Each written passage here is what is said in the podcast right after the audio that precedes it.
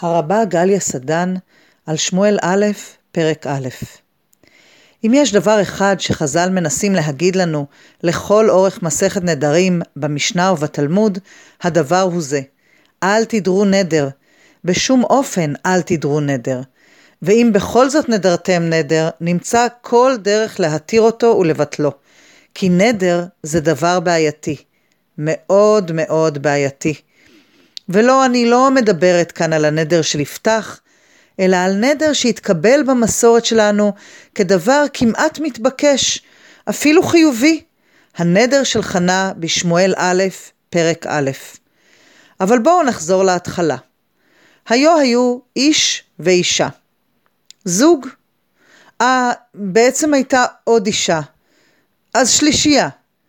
נו, ואם יש שתי נשים, אז כולנו כבר מנחשות ומנחשים את ההמשך. אחת תהיה אהובה והשנייה שנואה, אחת תלד והשנייה, האהובה כמובן, תהיה עקרה. היינו כבר באופרת הסבון הזו בעבר. אז חנה עקרה, ולמרות זאת היא האהובה על אלקנה. ולזכותו ייאמר שהוא מגלה קצת יותר אמפתיה לסבלה מן הגברים שקדמו לו.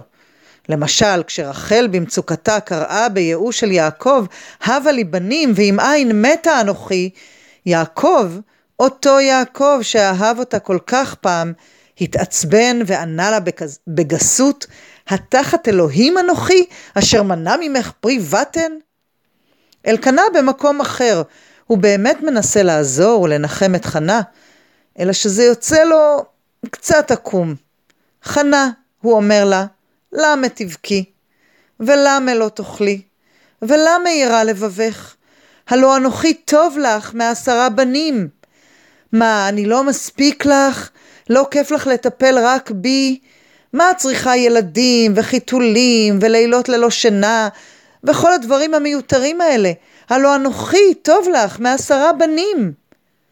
אוי, אלקנה, לו רק היית אומר לה, את חנה, את טובה לי יותר מעשרה בנים.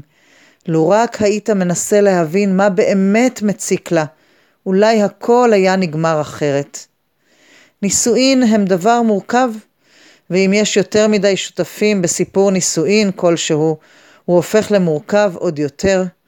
וכשהדברים מורכבים, מלחיצים, מתישים, לפעמים זה מוביל להחלטות שהן, איך לומר זאת בעדינות, לא משהו. אחרי דבריו של אלקנה, חנה נדחקת לפינה. היא כבר לא יכולה יותר. אלוהים תעשה שאלד, הכל אתן לך, הכל, אפילו, אפילו את הילד עצמו. מה?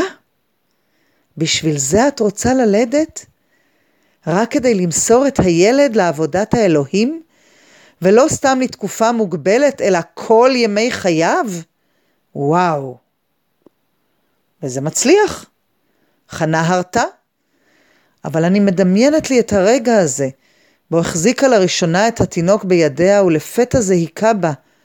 לא היא תגדל את הילד הזה. לא בביתה הוא יתפתח ויהפוך לנער ולגבר, היא לא תהיה שותפה לשמחותיו, לא היא תנחם אותו ברגעי העצב. מי בכלל ניחם אותו ברגעי העצב באמת?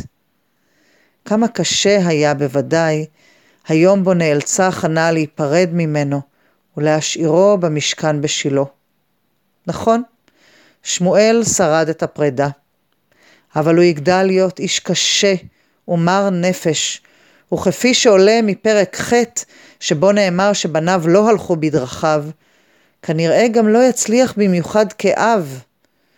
אולי גם העובדה שאיננו יודעים דבר על אשתו מרמזת על נישואים כושלים.